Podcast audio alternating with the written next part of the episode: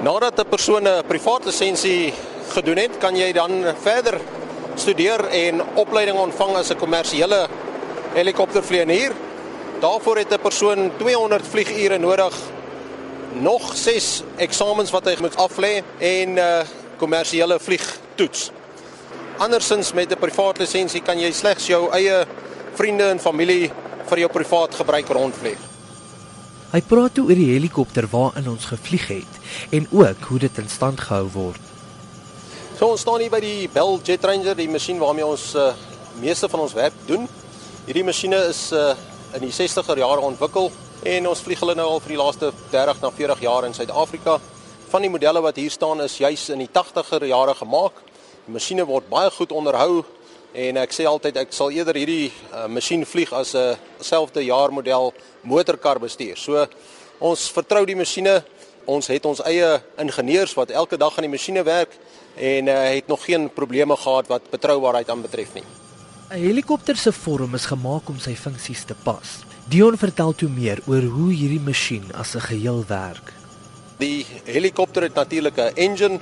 Hierdie een waarmee ons vlieg het 'n turbine engine en dit dryf 'n mas wat die rotors aandryf. Die rotors draai. Dit veroorsaak 'n lugvloei oor die uh, rotor en dan uh, is dit baie soos 'n vaste vlek vliegtyg. Ons kan die lugvloei beheer om vir ons dryfkrag te gee vorentoe, agtertoe, op, af, links of regs. Die uh masjien het ook 'n sterk rotor wat teen baie vinnige omwentelinge draai. Dit verhoed dat die masjien uh, teenoorgestelde rigting as die uh hoof of myn rotor draai en dit hou ons in balans wanneer ons op die grond is of uh vorentoe vlieg in die lug. Omdat helikopters verskeie tipe vragte vervoer, is daar veiligheidsprosedures wat gevolg moet word. Hy praat meer hieroor as ook oor die ander dele waarna hulle kyk voor elke vlug. Ja, die uh, belangrikste vrag wat ons altyd vervoer is mense. So wanneer ons veral mense rondvlieg, doen ons in elk geval voor vlug inspeksie op die masjien om seker te maak alles is reg. Meeste van ons beplanning gebeur die dag voor ons 'n vlug doen of soveel as moontlik tyd voor ons 'n vlug doen.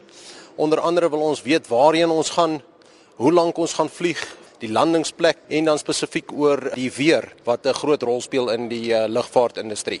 Daar's verskeie parte wat draai en wat verkoeling nodig het, so ons sal seker maak dit werk. En dan baie belangrik, die brandstof wat ons gebruik is uh, net so belangrik om seker te maak daar's nie water in nie of enigiets wat die uh, kwaliteit van die brandstof kan beïnvloed. Nadat hulle seker gemaak het dat alles reg is, is dit tyd om aan die werk te spring.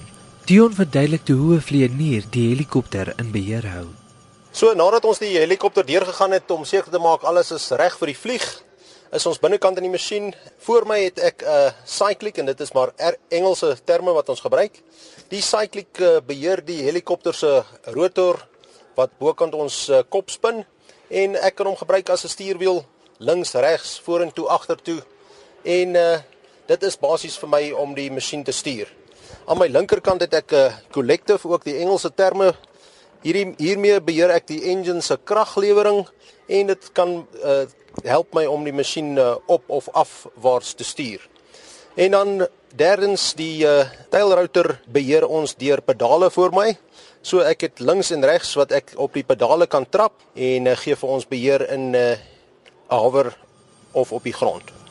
Laastens praat Dion oor die instrumente wat gebruik word om die vlieënier op hoogte te hou van wat met die helikopter gebeur tydens 'n vlug. So alhoewel die masjien lyk of dit 'n uh, ruimtetuig is, het ons basiese instrumente. Die instrumente gee vir my aanduiding van my lugspoed, my krag wat ek gebruik, my brandstof uh, hoeveelheid, sowel as die engine en uh, transmissie radkas se temperature en uh, druk. Verder weet ek ook hoe hoog ons vlieg en uh, natuurlik of ons klim of daal in vlug.